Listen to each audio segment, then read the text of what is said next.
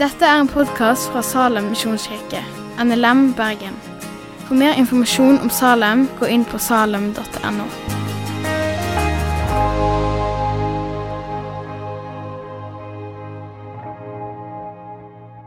Ja, mange av dere som var med og eh, måkte litt snø i dag morges før du skulle på gudstjeneste. Kanskje du er så heldig at du bor i, i lavlandet. Men kanskje du så at det var snø på toppen av fjellet, og da passet det ikke så godt med det bildet som jeg skal begynne denne talen med. Jeg skal, eller vise dette bildet. Hva er det? Det kalles for en hvitveis. Det er en uh, veldig fin blomst som jeg er veldig glad i. Og Så spurte jeg går på lørdagen om vi egentlig har det i Bergen. Jeg har ikke sett det i Bergen, men de skal visstnok finnes i Bergen. Uh, dette er en hvitveis som kommer fram på våren. Det er ikke sånn altfor lenge til våren i Bergen, så bare, bare gled dere til den, den kommer. Men hvitveisen, hva er det den illustrerer for oss? Når hvitveisen kommer fram som en av de første artene eller plantene som vokser på våren, så viser det oss at vinteren, den kalde tida, den er over. Og så kommer dette illustrert fram. Og Hvitveisen den begynner å forberede seg på våren allerede på høsten. Og gi seg klar mot den våren som kommer. Og Med det så viser han oss at nå kommer sommeren. Det som er kaldt, det som er mørkt, det ligger bak. Og det som er varmt, og det som er lyst, det ligger foran oss. Majoriteten av de som er her inne, har fulgt Jesus mye lenger enn meg og har levd mye lenger enn meg. Og En ting som du kanskje har hørt, og som kanskje du har vært med og sagt, som meg, er at det var så fint, det som skjedde før. De store vekkelsene som skjedde, det er vanskelig å være en kristen i Norge for tida, osv. osv. Ja, det er tøft å være en kristen i dag.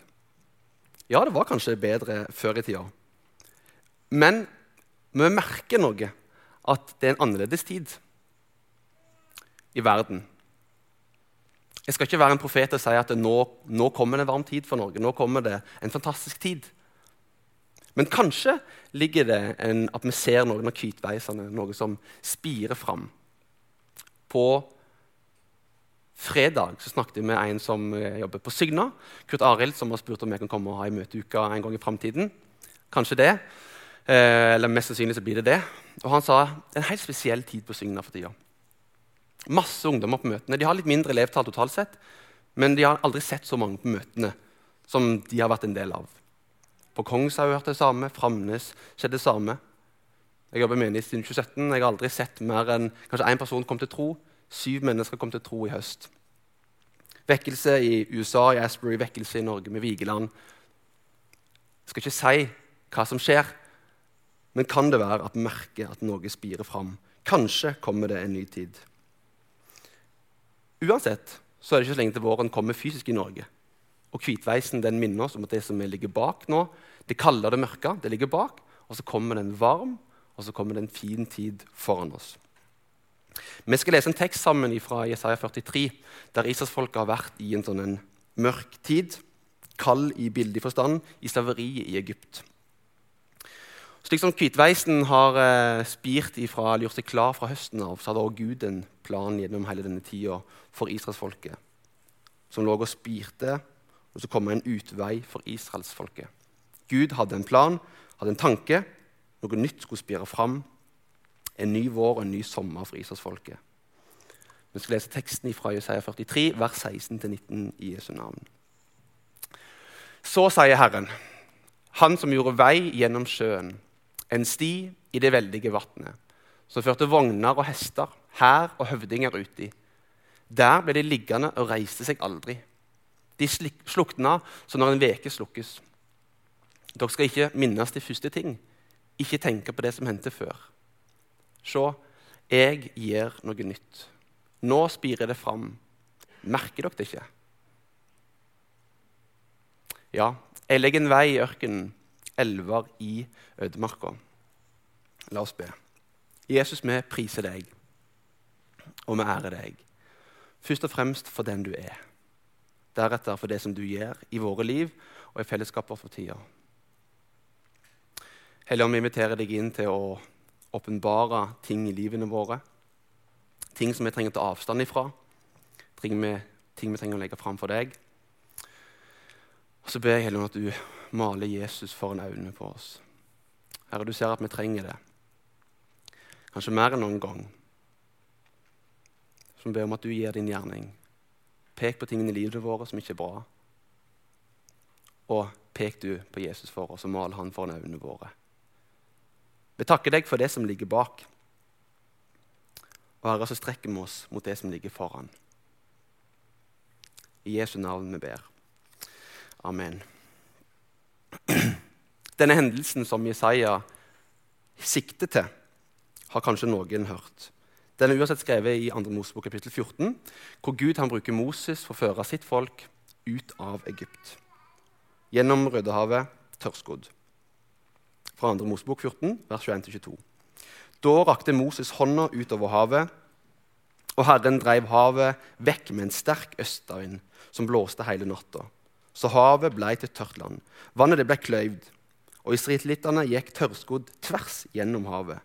Vannet sto som en mur til høyre og venstre for dem. Det var Gud som førte Israelsfolket utover Egypt. Det var Gud som lagde en vei, lagde en sti. Det var Gud som utsletta fiendene som var etter dem. Gud sto bak. Og rundt 400 år seinere minner profeten Jesaja dette folket om det store som hadde skjedd. Knytter det bakover, og samtidig så peker han framover for israelsfolket. Vender blikket framover. Gud skal gjøre noe nytt. Han har ført dem ut av fangenskap for 400 år siden. Men fremdeles er de i et slaveri. Og meg og deg som lever i 2023, 2024 nå, vi lever fremdeles i et slaveri. Jesus sier det i Johannes 8. Sannelig, sannelig, jeg sier dere, den som gjør synd, er slave under synden. Israelsfolket trengte en permanent utfrielse. Meg og deg trenger en permanent utfrielse. Derfor sender Gud Jesus til oss. Slik at vi skal bli fridd en gang for alle. Så Israelsfolket hadde opplevd store ting med Gud. Og så peker seg fram mot nye, store ting som Gud skal gjøre blant det folket. Og som kirke i det året som ligger bak, så har vi opplevd store ting. Mange enkeltpersoner har opplevd store ting.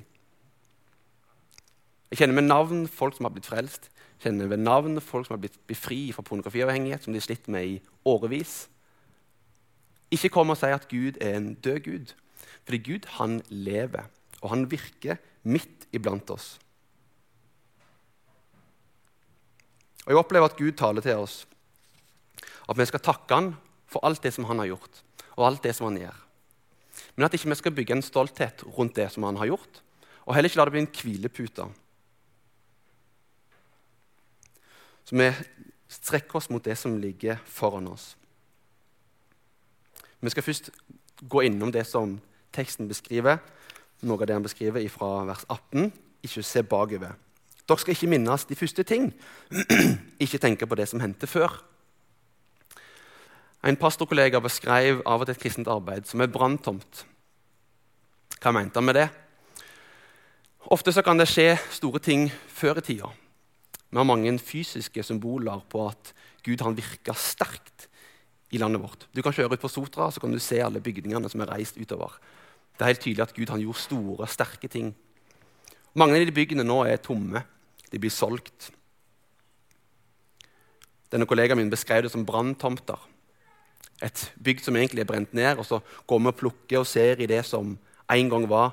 Dette var fint, dette var flott. Går og plukker i noe som egentlig er brent ned. Kan det være at Israelsfolket opplevde det? Kan det være at vi ligger i faren for det å bli en branntomt der vi ser tilbake og plukker det som skjedde før? Det som var så fint, det som var så flott. Israelsfolket opplevde store ting. Så sier Jesaja dere skal ikke minnes de første ting. Ikke tenke på det som hendte før. Mange av dere har lært å kjøre bil. Mange av dere har kanskje lært opp folk til å lære å kjøre bil. Altså Min generasjon og etterpå, vi slipper jo å lære folk å kløtsje. Det var en av tingene pappa sleit med å vise for meg. hvordan skulle kløtsje. Eh, han klarte ikke å beskrive til meg dette trefningspunktet. Eh, han lever den dag i dag, og jeg skal vise den dag hvordan det trefningspunktet fungerer. Men han sa bare du skal bare gjøre sånn. Det var utrolig frustrerende, for jeg fikk det aldri til. Og Jeg sa det i går, så sier jeg det igjen. Et 14. gang stoppet jeg bilen på tomgang midt i et kryss, og så gikk jeg hjem. Så kunne han bare gå ut og så kunne kjøre bilen hjem hvis han ville det. Utrolig frustrerende. Eh, men jeg skal lære han en dag. Og så lærte jeg en annen ting som han aldri beskrev til meg. og det var at ja, Du må se kort og langt når du kjører bil. Ja, hva mener du med det? Nei, du skal se kort og langt. Spurte, ja, men, men hva betyr det å se kort og langt? Du skal se kort og langt hele veien, sa han. Hvis han hører på, så vet han hva jeg mener. Og så har jeg jo kjørt bil noen år og så begynte jeg å reflektere over hva vil det si å se kort og langt. Det som pappa prøvde å si, bare med litt høyere og høyere tone. Det det vil si å kjøre, se kort og langt, er at På kort sikt 5-10 meter, så kan det komme et dyr over veien, en traktor uten blinklys som skal inn til høyre eller venstre. Så det er viktig å se kort. Men hvorfor da kort og langt hele veien? Jo, fordi det kan være en rundkjøring langt der framme, så du må legge deg i rett fil. Det kan være det en bilulykke, det kan være det veiarbeid. Og du trenger ta stilling til det lenge i forveien. Så når vi kjører bil, så skal vi se kort og lang som min far beskrev til meg, men ikke helt klart å vise akkurat der og da. Men jeg ser det, og jeg skjønner det nå. Og er det ikke litt sånn når du vokser opp? Det er ikke alt vi skjønner med foreldrene våre, men etter hvert så kanskje skjønner vi mer og mer. Kanskje ikke det er de som er problemet med oss. Kanskje. Men når vi kjører bil, så gjør vi altså det ganske ubevisst. Du gjør det om du står på ski. Hvis du er en av de som står på topptur, og hvis du tenker at du er litt god å stå på, på ski nedover, så vil jeg anta at du er ganske god på å se de lange linjene. Men ser du her som er litt sånn klumpsete, så er du sikkert veldig god på å se rett framfor deg. altså du er veldig redd, og Så ploger du, mens egentlig så er det en lang oppoverbakke etterpå, og så må du krabbe opp ned bakken. For eksempel. Når du står på ski så ser du kort og langt. Men i bilen så gløtter vi òg i bakspeilet vårt innimellom. Det er òg viktig. Det kan komme utrykningskjøretøy bak deg osv. Tilbake i kristenlivet og i menighetslivet. Tenk hvor skummelt og for farlig det hadde vært hvis en kun så seg i bakspeilet og en sjelden gang så framover. Tenk hvis du satt sånn i bilen og kun så bakover. Sånn, kanskje en sjelden gang så, så du framover hvor bilen egentlig gikk. Ingenting vondt å snakke om det som lå før, men kan det være farlig å ha for stort fokus på det som lå bak? Kanskje. Paulus beskriver i hvert fall noe i Filippane 3,13. Mine søsken, jeg tror ikke om meg sjøl at jeg har grepet det. Men én ting gjør jeg.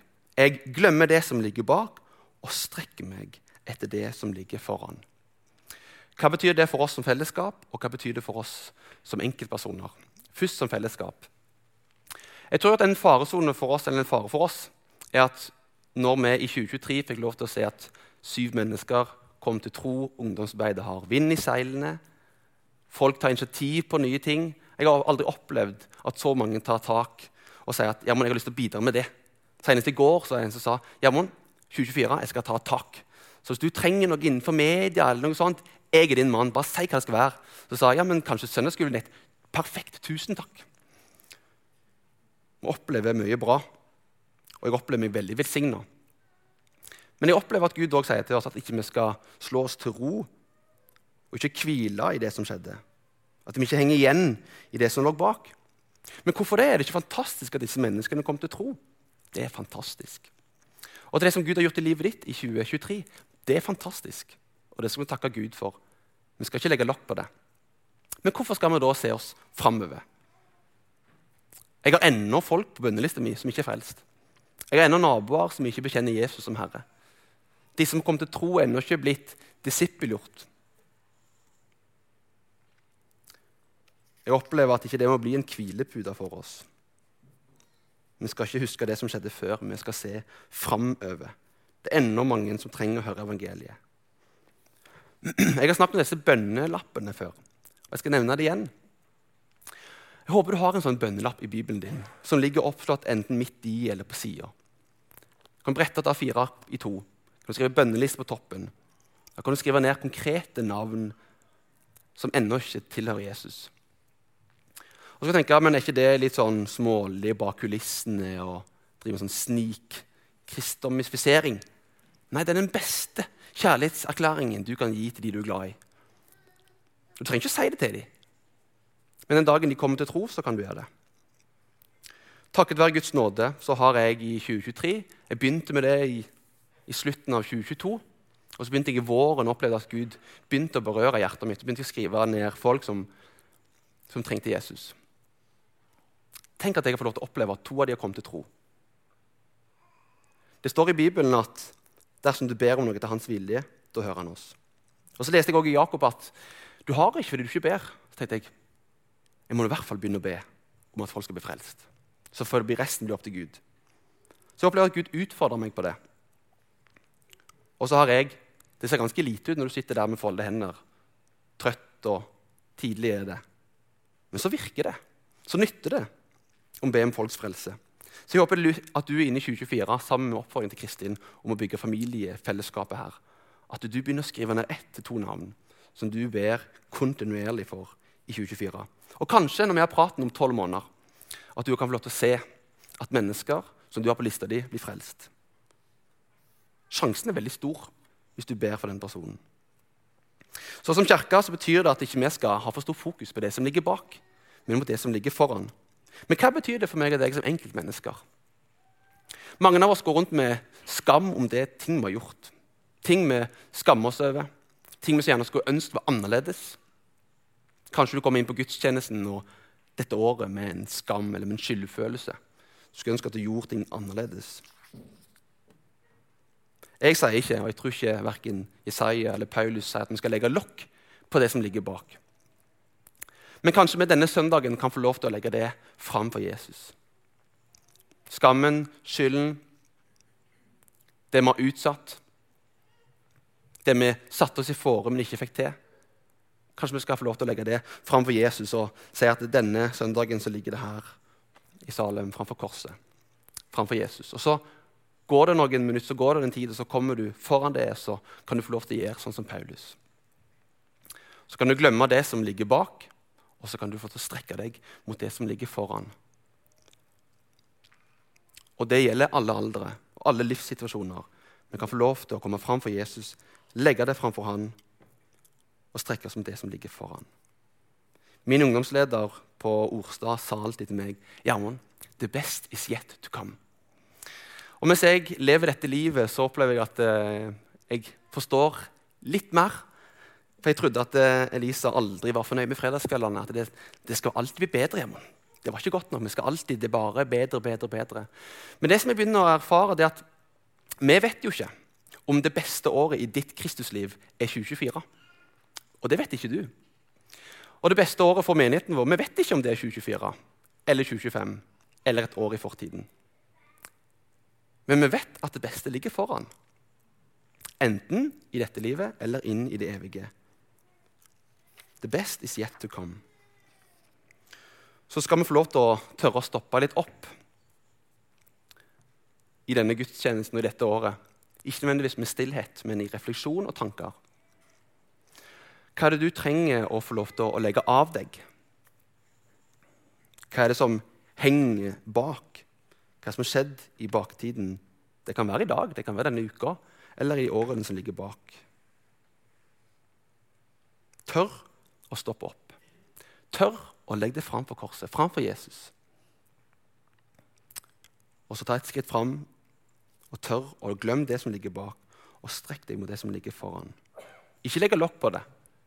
Men har du lagt hos Jesus, så har du lagt hos Jesus, og så får du lov til å strekke deg mot det som ligger foran. Så som kirke og som enkeltpersoner så betyr dette at ikke vi skal ha for stort fokus på det som ligger bak, men strekke oss mot det som ligger foran. Det er både skummelt og farlig å se for masse bakover. Så da, hva skal vi da? Vi skal som Jesaja sier, at vi skal se framover. Se, jeg gjør noe nytt. Nå spirer det fram. Merker dere det ikke?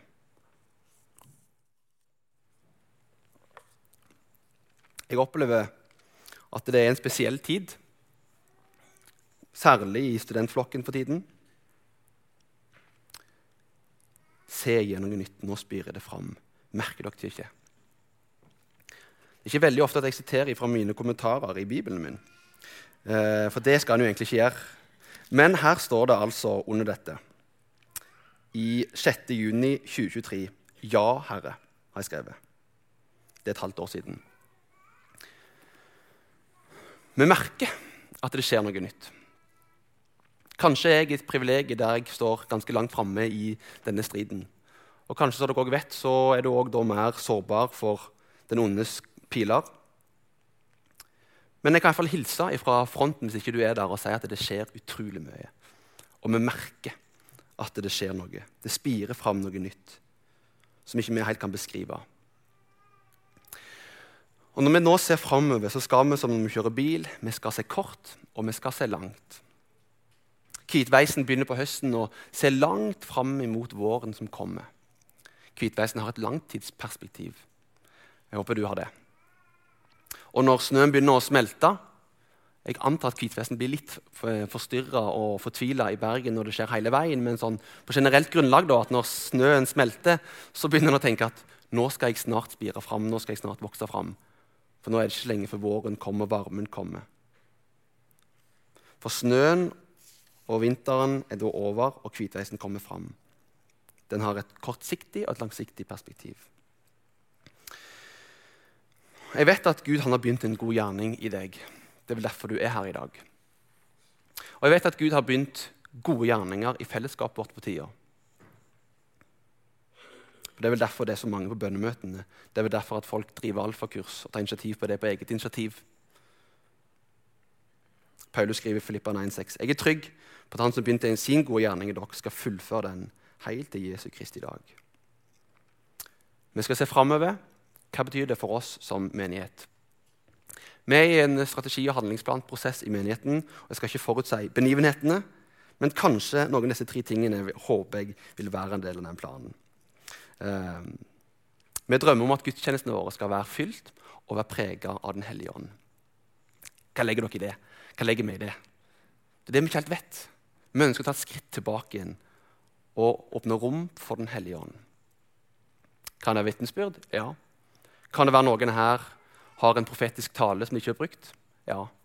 Kan det være du har tungetalens gave eller kommer til å få den? Ja. Kan det være du får tydningens gave? Ja.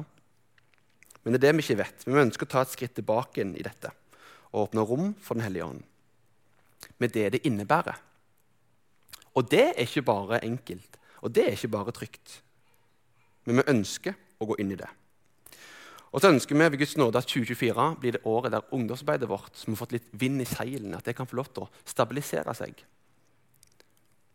Fordi vi vet at det er tøft for ungdom, og vi vet at Jesus har store ting for ungdommene våre. Så vi drømmer at ungdomsarbeidet skal bli vitalt og levende. Og så at ungdommer blir frelst, vokser i sitt disippelliv og lederskap. Og at de ungdommene som har vært der fra starten av, tenk om de i 2024 blir lederne som tar arbeidet videre til nye høyder. Det er det kun de som kan gjøre. Fordi det stopper opp med oss. Men de er generasjonen som kan ta det videre. Om Gud og om de vil. Og den tredje tingen som jeg har lyst til å nevne, som kanskje kommer der, at vi drømmer at alfakurset vårt at det kan få lov til å fortsette. Og at de kan skape større frukter og større ringvirkninger enn det vi ser, og det vi kan forstå. For det kan det. Gud har vist at, alfa, at han bruker alfa, så vi har stor tro på at han kan bruke alfa igjen. Og dette og mye annet er du allerede med på når du er en del av dette fellesskapet. Jeg håper kommunikasjonen vår om menigheten er at ikke vi går i Salem, men at vi tilhører Salem. Jeg skal ikke gå hjem til en familie som jeg går i. Nei, jeg, skal, jeg tilhører en familie. Jeg skal hjem til den familien jeg tilhører. Og Mange er direkte påkobla det som Gud gjør i fellesskapet vårt for tida. Men jeg har lyst til å være litt frimodig på starten av et nye år og invitere deg inn. Lengter du etter å få lov til å være med på det som Gud gjør i fellesskapet vårt? Og så er jo fellesskapet vårt skrudd sammen på en litt annen måte, kanskje på søndagen enn på studentalderen på lørdagen. Det har vi respekt for. Folk har barn, folk har aktiviteter osv. Og, og, og det er fantastisk, og vi er så glad for det. Men har du, har du kjent på at jeg skulle ønske å få lov til å se litt mer av det Gud holder på med i Salem? Det høres så spennende ut så jeg har lyst til å invitere deg til å lene deg litt ekstra inn. Og Så kan du ta en prat med meg eller med Kristin etterpå og spørre jeg har lyst til å være med på det som Gud gjør. Hvor kan jeg bli brukt? Men ikke kjenn oss, kjenn Gud. Og Hvis du ikke rekker å snakke med oss akkurat i dag, så kan jeg spare deg for en liten samtale. For det vi kommer til å si er at Du kan begynne med å gå på bønnemøtene. Der er hjertet i arbeidet vårt for tida. Tirsdagen, undervisningsrommet klokka 18 til klokka 19. Cirka 5% av de som møtes her, i antall er der oppe. Du kan gjerne komme her fem minutter etter gudstjenesten har begynt, og være her og opptatt med dine ting, og kun snakke med de du kjenner etter gudstjenesten. Men jeg tror sjansen for at du lener deg inn, er at du får lov til å se hva Gud holder på med. Jeg tror den er større. Så Et konkret steg for deg kan være å sette av én tirsdagskveld i måneden til å være med på det som Gud gjør i menigheten vår. Og Jeg opplever at det, det konkretiserer seg i bønnemøtene. En av utsendingene våre svarte på julehilsen og sa for jeg sa litt om bønnemøtene, de som kom til tro, eh, og det som skjer, og det som ligger oss på hjertet. Og så skrev Einar så fint å høre at bønnearbeidet har resultert i at da var det seks mennesker som kom til tro. Jeg hadde ikke sett den koblingen. Du vet at jeg har mye å lære når jeg ikke ser den koblingen. Så fint at hun så det. For, halvannet år siden så begynte bønnearbeidet å ta en ny, eh, ny vri. Studentene kom frimodig og spurte om de kunne få lov til å overta. Så hadde vi store, flotte og eh, romslige ledere der som sa selvfølgelig det er det vi har bedt om. Og Bønnemøtene det er selve hjertet i det vi holder på med. Her sitter det leger og hjerteleger som vet hvordan et hjerte fungerer. mye bedre enn meg. Men sånn jeg har forstått det, så er et hjerte det pumper inn oksygenfattig blod. Bønnemøtene våre de pumper inn oksygenfattig blod. Kanskje er noen sliter med tvilstanker. Det er tungt å være en kristen for tida. Kanskje opplever du at det nytter så lite det som du har stått i. det som du gjør. Kanskje bønnelister de har blitt foreldre og ligger skrukka ned i en skuff. Jeg opplever at bønnearbeidet vårt i de trekker til seg det oksygenfattige i oss. I hvert fall i meg. Og så legger de framfor Gud for oss. Og Når klokka pikker sju, eller en eller annen plass der, så pumpes det nytt blod ut med liv i. Så bønnearbeidet vårt er ikke bare et bønnemøte, det er ikke bare en aktivitet. Det er selve hjertet av det vi holder på med. Så du er herved invitert til å ta en del i det som Gud gjør. Så len deg inn, og du er herved invitert. Til slutt skal vi se litt på meg og deg og framtiden vår. Vi har sett at ikke vi ikke skal se for mye bakover, som fellesskap og som enkeltpersoner. Men når vi skal se framover, hva betyr det for meg og deg? Hva gir Gud i livet ditt akkurat nå? Gud han har begynt en god gjerning i deg. Så vær da god jord, der du kan få lov til å vokse gode frukter. Så skal vi avslutte med to blikk. Dette korte og dette lange blikket til meg og deg. Vi som har begynt å følge Jesus, vi er kalt til å bli mer og mer lik han. Jeg har vært en lærling, og når jeg var lærling, så skulle jeg hver dag se om jeg kunne bli mer og mer lik min mester. Tenk at meg og deg, enten om vi er 20, 30 eller 70, så skal vi hver dag få lov til å bli mer og mer lik vår mester. Startpunktene våre kan være annerledes, men hver dag skal vi få lov til å bli mer og mer lik han. Vi stopper aldri å bli en disippel, vi stopper aldri å bli en lærling. Så da er min utfordring til deg når vi har denne praten om tolv måneder Hva har Gud gjort i livet ditt de tolv månedene som lå bak? Hvordan har du blitt mer lik Jesus? Det er vårt korte blikk ett år fram i tid. Hvordan kan du bli mer lik Jesus i det året som ligger foran?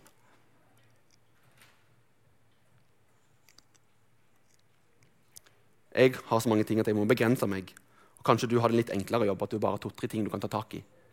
Men du vet at det er ting som du kan ta tak i for å bli mer lik din mester.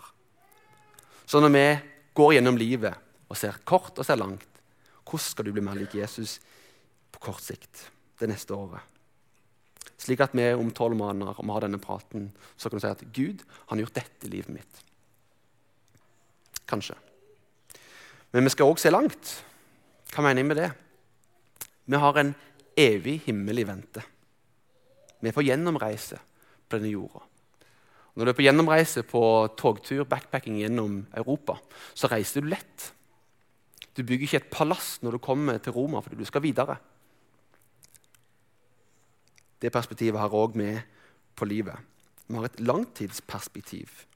Og Da betyr det ingenting om vi bor i et hytte eller i et slott. Vi skal være himmelvendte, som Bibelen oppfordrer oss til. Vi trenger det blikket framover. For i det, i det vi tar valg, økonomiske valg, tidsmessige valg, relasjonsmessige valg. Og Hvis vi kun ser kort, så blir vi fort navlebeskuende. Jeg blir iallfall det. Mens i det vi har det langtidsperspektivet, at vi har en evig himmel i vente. Og Det er det som er endgoalen vår ja, så preger det alt det vi gjør. Det preger økonomien vår. Så har blikket vendt mot det som er der framme. Så fram til den dagen vi skal møte Jesus, frelseren vår, ansikt til ansikt, gi han en god klem og si takk, Jesus, for alt det som du har gjort. La oss bruke tiden fram til det er godt. Gjennom hele livet vårt se kort og se langt. For livet det ligger foran deg. Tenk det. Tenk at alle de aldersgruppene som er her, at vi kan si at livet det ligger foran oss. Vi har noen eldre i menigheten som ikke får muligheten til å gå på gudstjenester. Men tenk at vi også kan si til dem at livet det ligger foran deg. Det er et fantastisk perspektiv på livet. Så mens vi kjører denne bilen, denne kristenlivet, disippelliv-bilen, gjennom livet vårt, så må vi ikke glemme mens vi ser kort og langt, at vi òg ser oss i bakspeilet.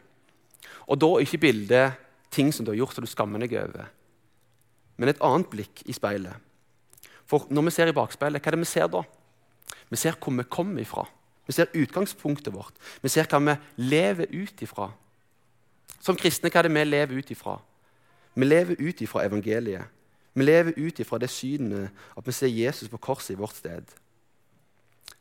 Så når vi ikke ser kort og langt, så skal vi òg glytte opp og se at vi ser fundamentet, ser evangeliet. Så når vi ser evangeliet, får lov til å eie det, la det være fundamentet vårt, så kan vi kjøre trygt. Og Så hender det i livet at eh, når du kjører bil kanskje i en tunnel, eller et eller annet, så blir det doggete på ruta. Og det blir livsfarlig å kjøre videre. Hva gjør du da? Det første du gjør, du stopper på første stopp. Så begynner du å tørke av det som hindrer sikten. Så kanskje du trenger i 2024 å stoppe opp, og etterpå skal det være forbønn bak disse veggene. Kanskje at det bakspeilet, at det har blitt usynlig for deg. Fundamentet ditt, det som faktisk betyr noe, at det er blitt usynlig for deg. Det blir det ofte for meg. Så trenger vi å stoppe bilen. Så trenger vi å tørke av. Og når sikten er klar, ja, da kan du kjøre på veien igjen og, og fortsette å se kort og langt. Men det er livsfarlig å kun se bakover når du kjører bil. Det er livsfarlig å kjøre framover hvis du ikke har sikten. La oss be. Herre Jesus, vi takker deg for at du er vårt fundament. Og at når vi er på livet her, går gjennom livet, reiser gjennom livet, så ber jeg at du blir synlig for oss. At når vi gløtter opp på deg, så ser vi deg klart og tydelig. Så Hellige vi ber om at du gir det akkurat nå. At vi får lov til å se deg rent og klart mens vi står nå i noen sekunder på denne bussholdeplassen og rengjør det som har vært utydelig for oss så ber jeg Herre om at du gjennom resten av denne gudstjenesten, denne dagen, dette året, at du gjør det mer og mer klart for oss, slik at vi er klare til å gå ut på veien og kjøre framover mot det som ligger foran oss. Det ber vi om i ditt navn. Amen. Takk for at du har hørt på podkasten fra Salem, Bergen. I Salem vil vi vinne, bevare, utruste og sende, til Guds ære. Vi ønsker å se mennesker finne fellesskap, møte Jesus og bli disippelgjort her i Bergen og i resten av verden. Vil du vite mer om oss, gå inn på salem.no.